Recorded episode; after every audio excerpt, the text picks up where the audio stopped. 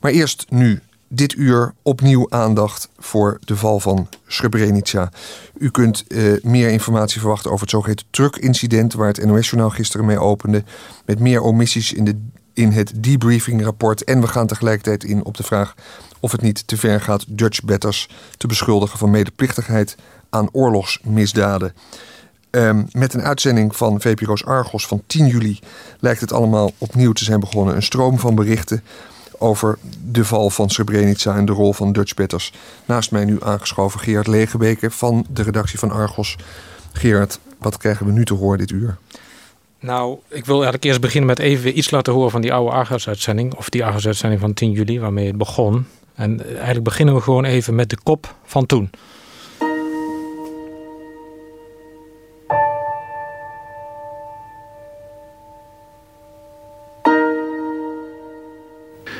Het is zo dat de rapportage, die eh, dus gebaseerd is op de debriefing van de militairen, een uh, zeer goed en grondig onderbouwd beeld geeft van de gang van zaken. En ook een grondig beeld geeft van de vraag hoe heeft Dutchbed, hoe hebben onze militairen zich in die periode onder de toen ontstaande omstandigheden van hun taak gekweten.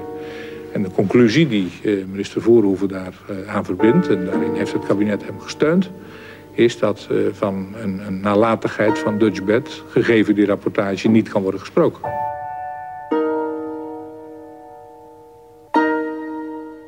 Het echte verhaal uh, Srebrenica, wat Dutchbed kon doen en wat ze gedaan hebben. En dat is uh, buitengewoon uh, veel. Er is dus op verschillende terreinen buitengewoon moedig gedrag uh, vertoond. Dat dat verhaal nooit verteld is in de, in de Nederlandse publiciteit. En dat is natuurlijk buitengewoon frustrerend. En nog steeds frustrerend voor de, voor de Dutch battles. Dat ze nog steeds worden nagewezen van... zij waren erbij, zij waren ook van die zogenaamde lafaards. Terwijl de werkelijkheid dus totaal anders is geweest. Het debriefingsrapport was een grondig werkstuk. Uh, ik ken geen voorbeeld van een uh, gefaalde vredesoperatie waar een land zo uitgebreid verslag over heeft gedaan en dat zo uitgebreid is gedocumenteerd.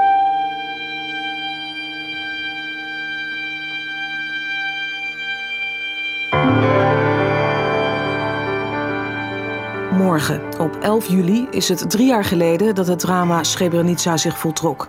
Toen Servische troepen deze VN-enclave in Oost-Bosnië veroverden en duizenden moslimburgers vermoorden. Srebrenica, waar Dutchbed, het Nederlandse VN-bataljon, de moslimbevolking bescherming moest bieden. In Nederland kreeg Srebrenica een langdurige politieke nasleep. Dat resulteerde in oktober 1995 in het zogenaamde debriefingsrapport. De Nederlandse regering presenteerde dat als het definitieve verslag over Dutchbed en het drama van Srebrenica. Het debriefingsrapport is gebaseerd op uitgebreide verhoren van bijna alle Dutchbetters. En dat waren er zo'n 460. Die verhoren zelf zijn geheim, alleen het rapport is openbaar gemaakt. Maar geeft dat rapport de ervaringen en verhalen van de Dutchbetters wel volledig en goed weer? Want telkens doken er weer verhalen op die niet strookten met het rapport. Argos onderzoekt vandaag de waarde van het debriefingsrapport en komt onder andere met een nieuw verhaal dat het waarheidsgehalte van het rapport wederom in twijfel trekt. Het is een nieuw verhaal over het beruchte mislukte fotorolletje. Het rolletje met daarop foto's van vermoorde moslims die als bewijsmateriaal hadden kunnen dienen voor de oorlogsmisdaden die Servische soldaten in Srebrenica hebben begaan. Zullen we het over dat fotorolletje hebben? Uh, ja, dat is natuurlijk de knulligheid ten top. Het, het blijkt uit het onderzoek uh, uh, dat dus de hoofdofficier van justitie heeft, heeft gepubliceerd. inderdaad een, een stommiteit.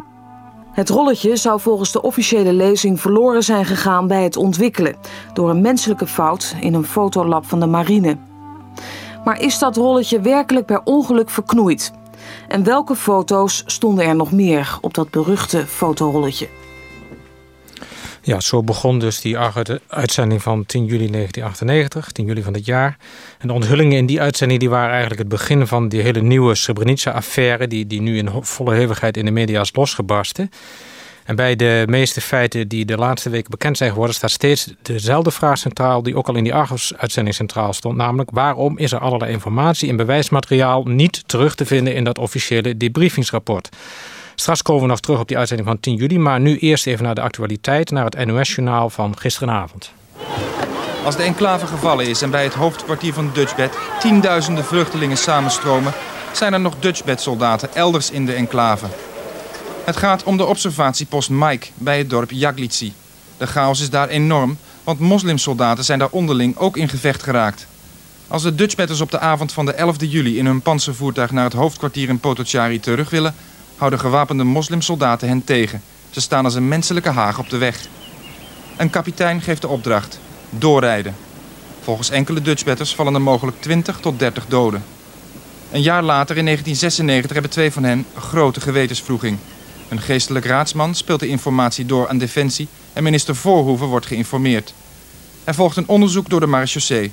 Een soldaat zegt het incident gemeld te hebben... maar het nooit te hebben teruggezien in het debriefingsrapport. Alle informatie gaat dan naar de commandant van de marechaussee Fabius. En daarna is het incident verdwenen. Maar niet uit de hoofden van de acht Dutchbetters die in het panzervoertuig zaten. Ja, dat was het NOS-journaal, de onthulling van het NOS-journaal gisteravond. Ook wij, wij, wisten al eerder via een anonieme bron van dit uh, ernstige incident in het noorden van de enclave Srebrenica. En uh, die bron bevestigt ook het verhaal wat uh, het NOS-journaal gisteren bracht. Maar interessant is wat die bron er nog meer over vertelde. Namelijk over de reactie op het departement. En vooral over de reactie van minister, de, de minister, minister Voorhoeven. Voorhoeven zou in juli 1996 hebben gedreigd met aftreden... toen hij van deze zaak, waar hij niets van afwist, op de hoogte werd gesteld.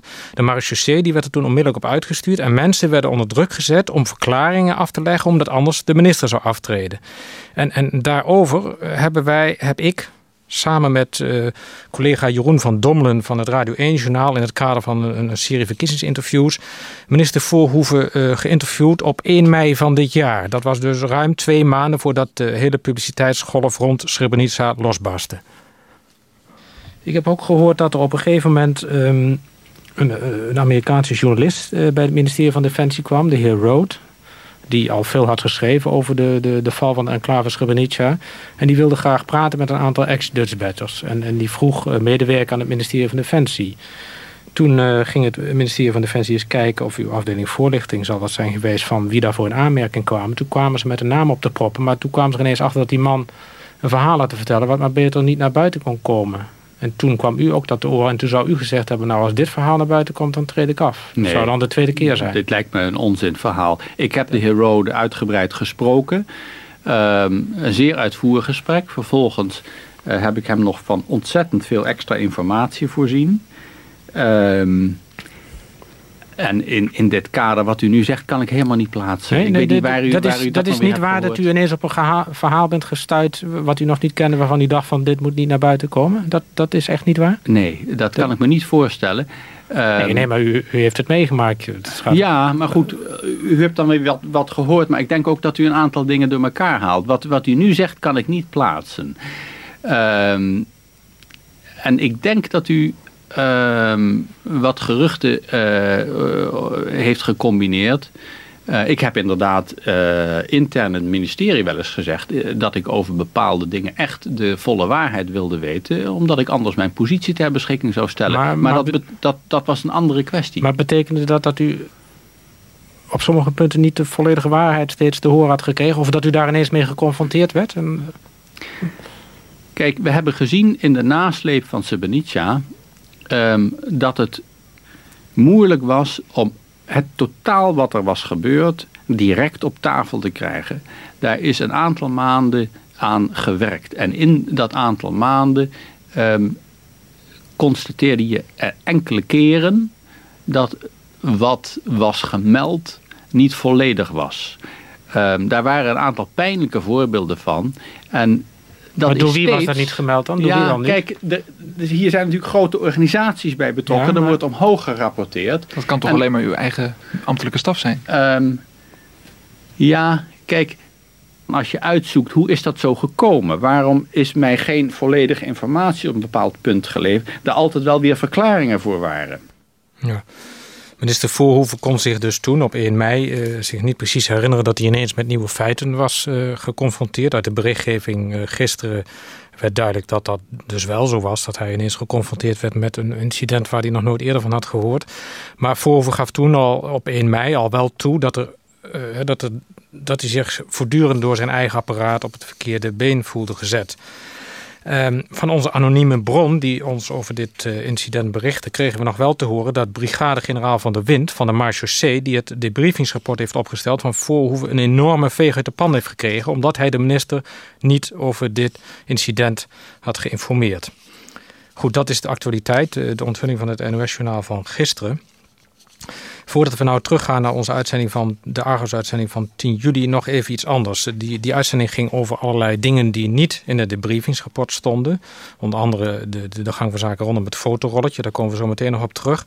Maar nu eerst nog een nieuwe omissie in dat debriefingsrapport, die we vorige maand nog niet hebben verteld. Dat gaat over de situatie vlak voordat uh, Srebrenica valt op uh, eh, 11 juli. De compound, uh, het, het kamp van Dutchbed, ligt dan onder vuur. Vluchtelingen zijn toegestroomd vanuit de stad naar die compound. En daaronder zijn ook veel gewonden. En op dat moment wil een van de Dutchbedders, de militaire arts kolonel Kremer, wil de gewonden gaan helpen. Maar hij krijgt daarvoor geen toestemming. Hij krijgt zelfs een dienstbevel van de commandant verbandpost. dat is zijn baas om binnen te blijven in de bunker, zijn helm op te zetten en een scherfvest aan en dus niet naar buiten te gaan. En uh, Kramer uh, negeert dat bevel en gaat dan toch naar buiten uh, om de gewonden te helpen. Kramer wil daar zelf verder niks over vertellen, maar één Dutchbetter ging met hem mee. Dat was Dutchbetter van Klinken. En die vertelde vanmiddag wat er toen gebeurde. Er lagen ook een heleboel gewonden zeg maar, binnen, het, binnen de gebouwen op de, op de compound. En nou, uiteindelijk zijn, zijn we toch uh, die gewonden gaan uh, helpen. Wie, wie, zijn wij? De kolonel Kramer en, uh, en ikzelf. En kolonel Kramer is een arts? Ja. ja. ja. En, en, en nou heb ik begrepen dat Kramer toen eigenlijk een dienstbevel kreeg van... je mag dat niet doen, je moet binnen blijven, helm ophouden, scherm, scherfvest aan. En dat jullie dat eigenlijk dus gewoon genegeerd hebben. Uh, nou, in, in, in, feite wel natuurlijk, ja. ja. Maar op dat moment, uh, u kunt zich voorstellen dat het een redelijke chaos was. Ook binnen de, binnen de compound. En uh, ja, uh, kolonel Kramer vond, vond, voelde zich toch geroepen om, om de gewonden te gaan helpen. En toen ben ik er mee gegaan. Mm -hmm. Want hij, hij, voelde zich als arts eigenlijk verplicht om dat te doen? Ja, ik, en ik geloof ook dat elke arts verplicht is om dat te doen. De eet van... Hippocrates. Hippocrates, juist. Ja. Eh, je mag dus geen onderscheid maken als het om gewonden gaat... of het om Nederlandse militair gaat of om moslimvluchtelingen. Mijn zinziens niet, nee. nee. En, en, en die commandant die dat bevel gaf om dat niet te doen, wat, wat, wat, wat zei die toen?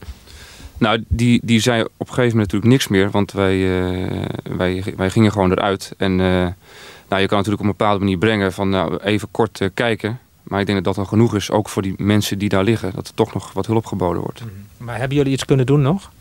Wij hebben nog wel wat kunnen doen, ja, zeker. Ja. Dus echt uh, verband aanbrengen, dat soort dingen? Of? Ja, uh, gips werd er van het snel gips werd aangebracht en nog wat andere zaken. Ja, ik ben geen medicus, dus ik weet dat verder niet. Ik was er gewoon puur alleen bij om een helpende hand te bieden. Mhm. Maar op dat moment waren jullie de enige twee Dutch batters die daar dus buiten zich onder die gewonden hebben begeven om, om te helpen? Ja, op dat moment waren wij daar de enige twee bij die, bij die gewonde moslims, ja. Want de rest die hield zich aan de bevel binnenblijven. Ja. ja. Hm. Nou heb ik begrepen dat kolonel Kremer dat later ook gemeld heeft. Eh, later in die hele debriefing, hè, waar iedereen verslag deed van zijn, zijn, zijn ervaring. En dat ook gemeld heeft. En dat hij ook vond dat het eigenlijk niet kon. Uh, heeft u dat ook gemeld in de debriefingsverhoren? Nee, dat heb ik zelf niet uh, gemeld. Dat heb ik inderdaad overgelaten aan, uh, aan Kremer. Ten eerste omdat hij natuurlijk uh, vak technisch veel, veel beter op de hoogte is. En ten tweede uh, heeft uh, iemand met, uh, met dergelijke rang toch wat meer impact. Hij was kolonel en nu niet. Precies. ja. Um, maar ik heb ook begrepen van, dat, dat dat onderdeel van het verhaal van Kremer niet in het uiteindelijke debriefingsverslag is gekomen. dat, is, dat staat er inderdaad niet in, nee. nee.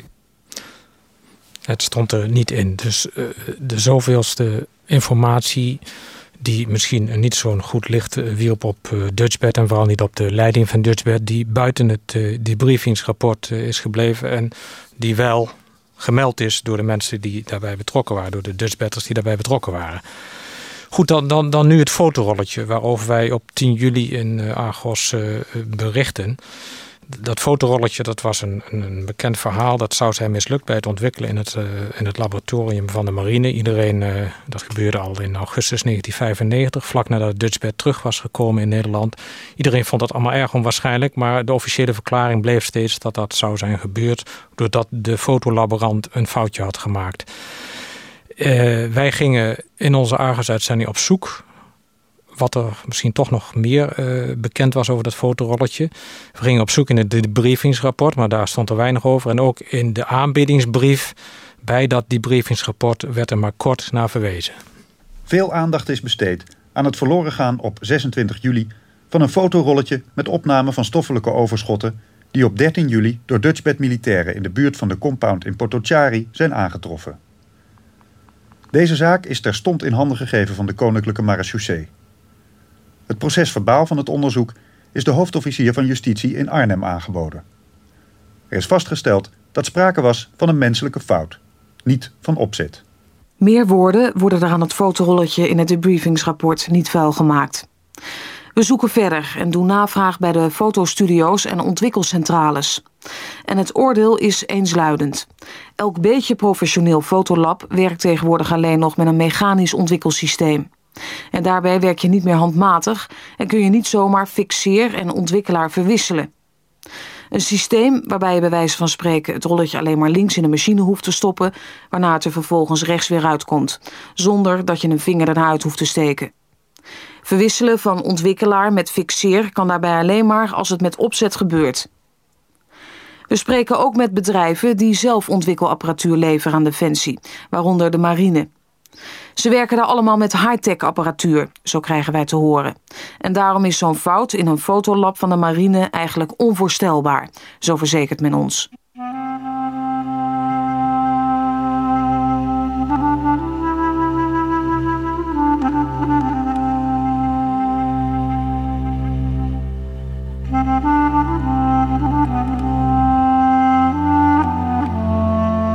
Dan stuiten we op een opmerkelijk verhaal. Een verhaal dat lijnrecht ingaat tegen de officiële lezing over de teloorgang van het fotorolletje. Een verhaal over de Dutchbetter die de foto's in Srebrenica heeft gemaakt. En ook de eigenaar is van het fotorolletje. En dat is niet de luitenant Koster die u net hoorde, maar de andere luitenant die deel uitmaakte van het trio dat op zoek ging naar de lijken. Hij smokkelt het fotorolletje mee als de Serviërs tien dagen na de val van Srebrenica Dutchbed uiteindelijk uit de enclave laten vertrekken. De volgende dag, dat is 22 juli 1995, komen de Dutchbatters in de Kroatische hoofdstad Zagreb aan. De bewuste luitenant wordt er al meteen gevraagd naar het fotorolletje, maar hij houdt het bij zich. Als de Dutchbatters vervolgens naar Nederland zijn teruggevlogen, staat er onmiddellijk bij hem thuis iemand van de militaire inlichtingendienst, de MID, op de stoep, om dat fotorolletje op te halen. Hij geeft het rolletje mee aan de MID'er. En de volgende dag al wordt de luitenant teruggebeld door de MID. En tijdens dat telefoongesprek blijkt dat de MID heeft gezien wat er op de foto staat. En dat kan alleen als het fotorolletje wel ontwikkeld is geweest. Maar vervolgens krijgt de luitenant van diezelfde MID te horen dat het rolletje bij het ontwikkelen verloren is gegaan.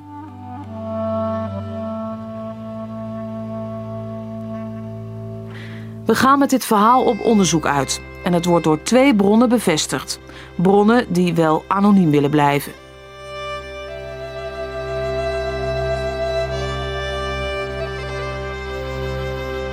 Ja. Bronnen die anoniem willen blijven. En uh, wij, wij, wij zoeken dus ook contact met de maker van het uh, rolletje, maar die wil uh, ook anoniem blijven. Die wil op dat moment, voor onze uitzending, wilde hij niet uh, spreken voor de microfoon. Maar nadat wij op grond van andere bronnen uh, dit verhaal hebben gebracht, bevestigt hij diezelfde avond op de 10, 10 juli in het televisieprogramma Nova dat datgene wat wij, dat verhaal wat wij in, in onze uitzending hebben gebracht, dat het inderdaad klopt. Dat dat overeenkomt met uh, zijn ervaringen. Wij hebben in die uitzending wel steeds benadrukt dat al datgene wat rondom dat fotorolletje is gebeurd, dat je dat plaatsen in de tijd uh, waarin het allemaal gebeurde. Dat was namelijk vlak na de val van Srebrenica en vlak nadat er nadat Dutchbed was teruggekeerd in Nederland er nog maar, en er nog maar heel weinig bekend was over wat er zich daar allemaal precies had afgespeeld en ook er nog nauwelijks beeldmateriaal bekend was. En dat was nogal een, een verwarrende tijd.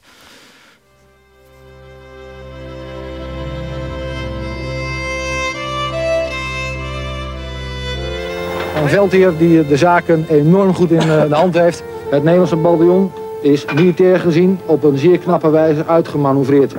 Tevens hebben wij geleerd dat de partijen in Bosnië niet kunnen worden verdeeld in de good guys en de bad guys.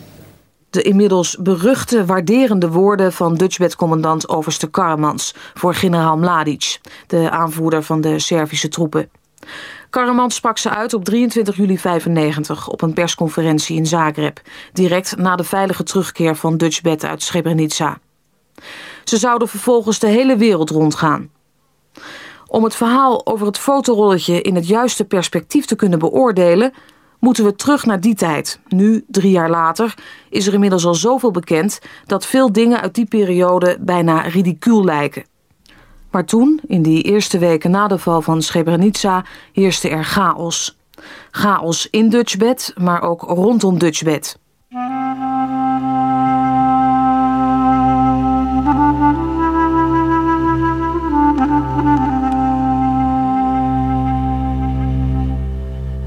Het was de periode waarin de beeldvorming rond Dutchbed in korte tijd begon om te slaan van heldenverering in verguizing.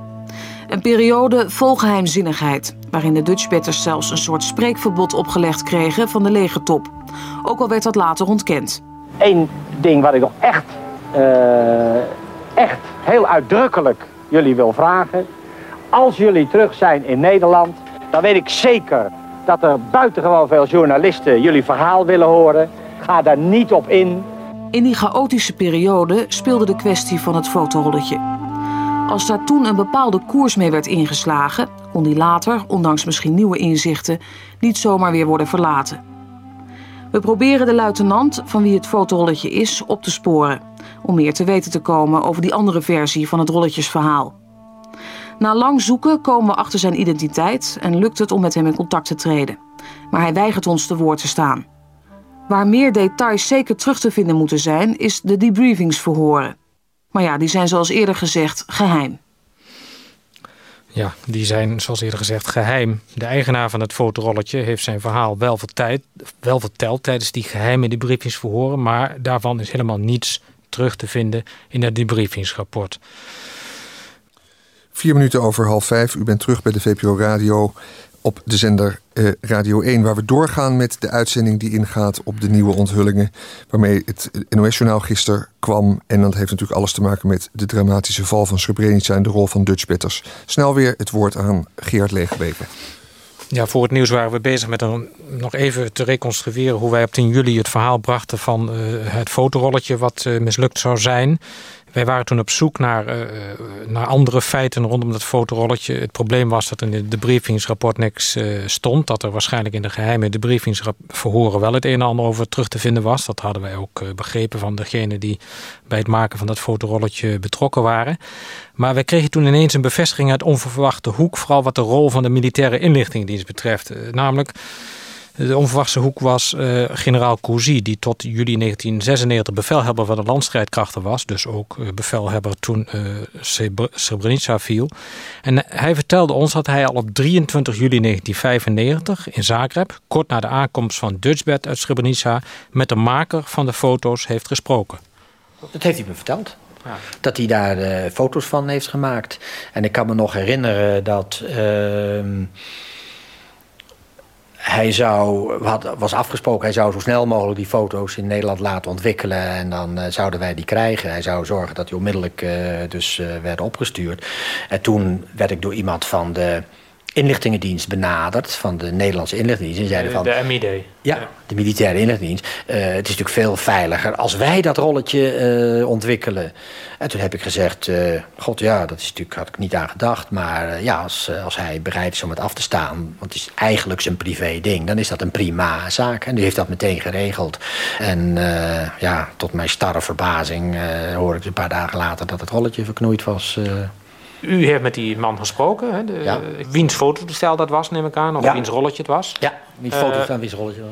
En die praat dan met u en die vertelt over die foto. waarom heeft u toen niet meteen gezegd van geef mij dat rolletje maar, want dan nemen wij het mee? Of, of want, want ja, god, zoiets gaat mee, zo'n man komt thuis, komt allemaal in de plunje, weet ik veel. Nee, maar, ik, als, ik, ik uh, uh, heb wel afgeleerd dat je als eh, bevelhebber niet dwars door alle lijnen heen uh, dingen moet gaan regelen. Want op een gegeven moment verstoor je dan afspraken, verantwoordelijkheden. En op een gegeven moment uh, is dat juist de manier dat dingen zoek raken. Dus toen die... Ehm, inlichtingendienst uh, dat, uh, dat eigenlijk interveneerde van zouden wij dat niet uh, kunnen doen, zei ik, heb ik meteen gezegd ja dat lijkt me een goed idee, dus prima, doe dat. En zo is het ook gebeurd. Maar goed, dus die MID die doet het dan en dacht u later niet van shit. Ja. Want, want die MID, dat valt uiteindelijk toch ook wel onder u, of niet? Nee. De militaire inlichtingendienst valt... Uh, gedeeltelijk onder de secretaris...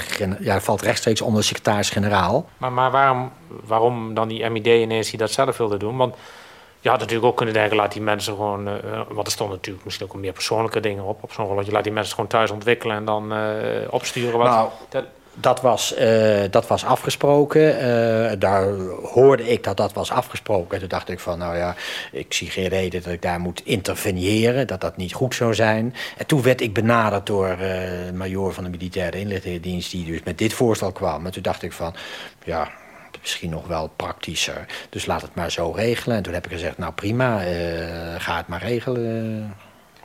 Maar is dat ook omdat zo'n MID dan rechtstreeks onder secretaris-generaal valt... dan meer het politieke pakje nou, anders? Of maakt het niet uit?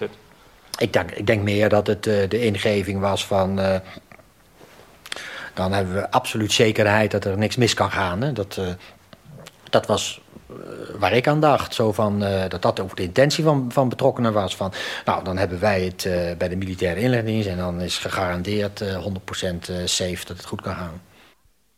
Ook een andere vraag is nog steeds niet beantwoord. Als er opzet in het spel is geweest, waarom dan? Het lijkt zo onlogisch om het rolletje onbruikbaar te maken vanwege de foto's met de lijken. Want die vormen juist bewijsmateriaal van oorlogsmisdaden. En dat Dutchbetters zich daarvoor hebben ingespannen is alleen maar goed voor het imago van Dutchbed. Totdat we in contact komen met een hoge militair die nauw betrokken was bij de Srebrenica-operatie. Er stonden nog andere foto's op het rolletje, vertelt hij. De man wil anoniem blijven en daarom wordt het gesprek met hem nagespeeld. Er hebben mensen opgestaan van Dutchbed die misschien op een eh, minder prettige manier in het nieuws zouden kunnen komen. En dat was dan rondom het wegvoeren van de moslims? Ja, kijk, ze hebben natuurlijk foto's proberen te maken om aan te tonen dat er toch dingen gebeurden die niet goed waren. Daarover heb ik van de verschillende kanten bevestiging gekregen. Ik ga natuurlijk nooit af op één bron. Die bevestiging krijg je natuurlijk uit het bataljon zelf ook. Kijk, er zijn een heleboel verhalen niet verteld. Maar noemt u daar eens een voorbeeld van? Wat voor soort verhalen? Waar moet ik dan aan denken? Verhalen die uh, altijd te maken hebben met dingen die je niet had moeten doen. Die niet in je mandaat staan. Bijvoorbeeld uh, dat je dus de server geholpen hebt om displaced persons naar de bus te brengen of uh, uit de compound te halen.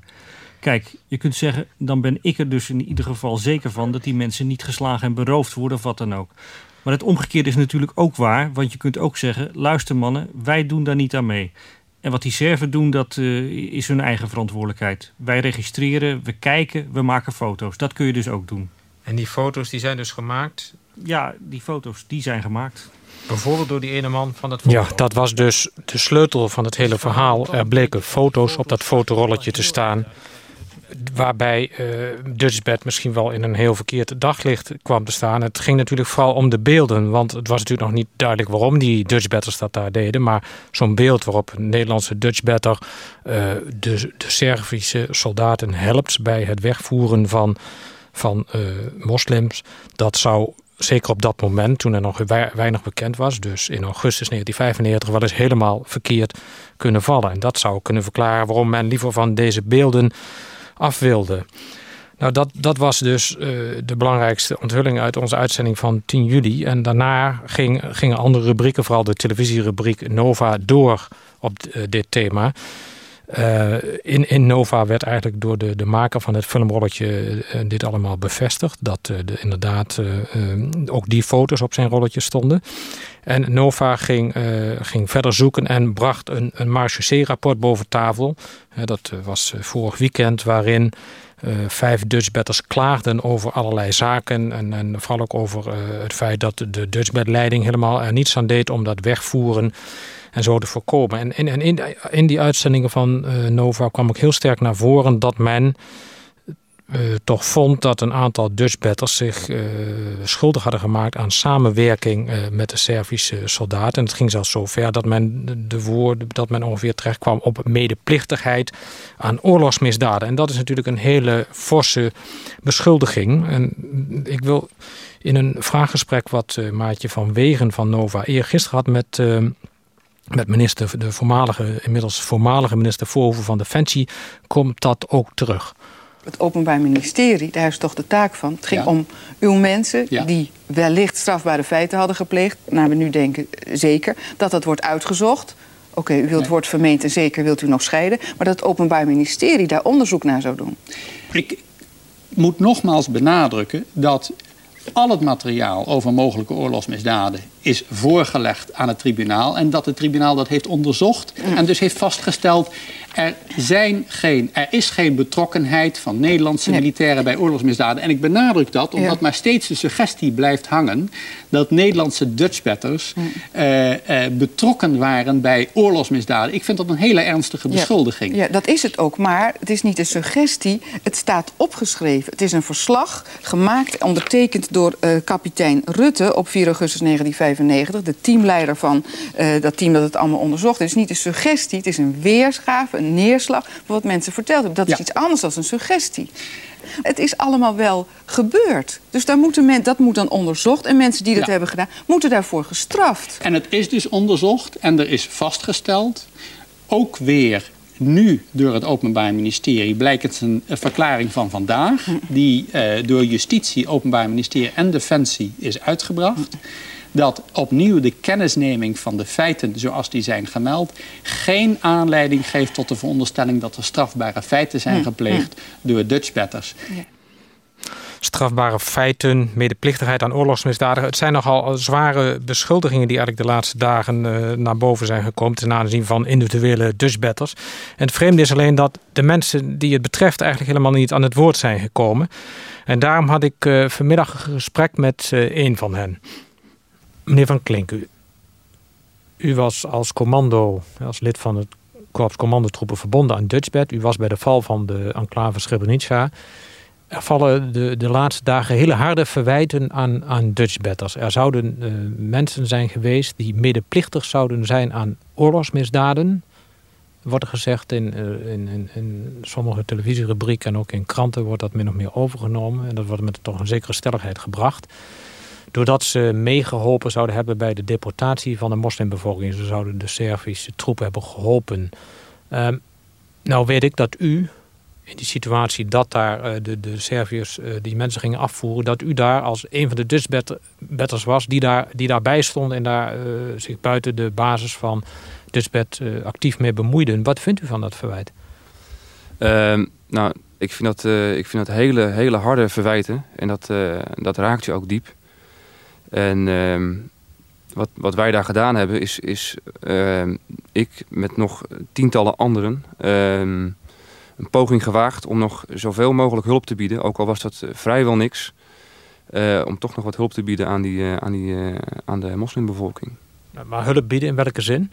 Hulp bieden in de zin medische hulp, water, brood en ja, wat wij in feite inderdaad gedaan hebben, wij hebben geholpen eh, bij het wegvoeren van die, uh, van die mensen. Um, ik denk wel dat het, dat het uh, dat klinkt misschien nu een beetje achteraf, maar dat het beter is dat wij dat gedaan hebben. als dat de Serven dat zelf hadden, hadden gedaan. Want dan had ik eigenlijk, ja, dan waren denk ik andere dingen gebeurd. Ja, ik, ik heb met een aantal collega's van u gesproken die daar ook waren. En die zeiden, ja, wij waren heel bang en we zagen dat af en toe ook. Dat als die Serviërs dat deden en die mensen naar die bussen dreven, dat dat met grof geweld gebeurde. Ja, dat ging absoluut met heel grof geweld, ja. En dat is ook wel, ja, op dat moment is dat, uh, ja, er is oorlog gaande in feite. En uh, ja, nog, nogmaals, als, ik denk als wij dat niet gedaan hadden, dan was het inderdaad, dan waren ze de bus ingetrapt. Ja, want zo was de sfeer wel. Ja. Maar goed, eh, dan, dan, dan zeggen mensen toch, ja, maar dan help je toch wel die Serviërs. Want die wilden die mensen wegvoeren. Ja, dat, uh, in feite klopt dat, ja.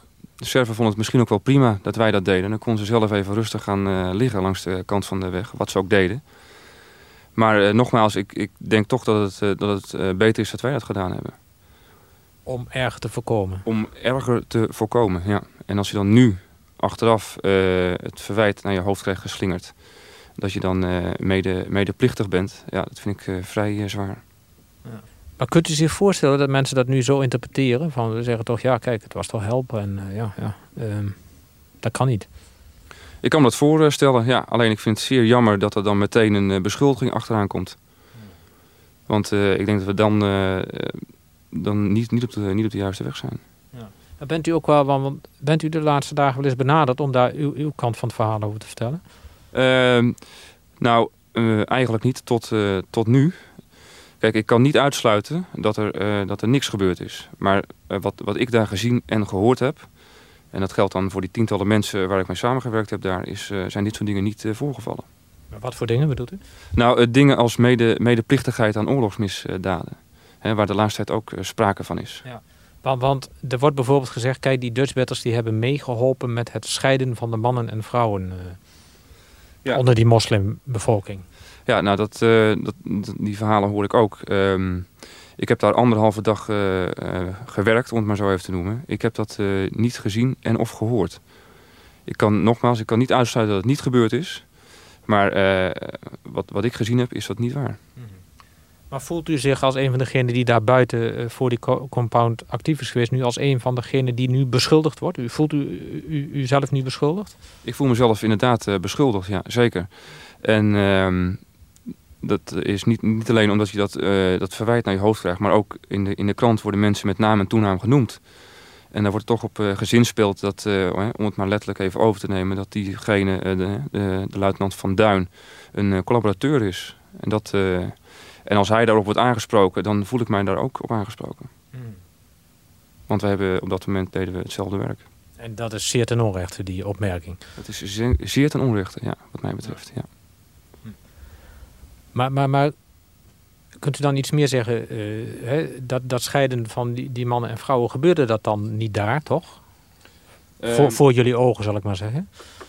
Uh, het, het, scheiden zelf gebeurde niet voor onze ogen. Ehm, het was wel zo dat het, een, een, huis vlak in de buurt, wat je wel kon zien, daar zaten wel de mannen apart.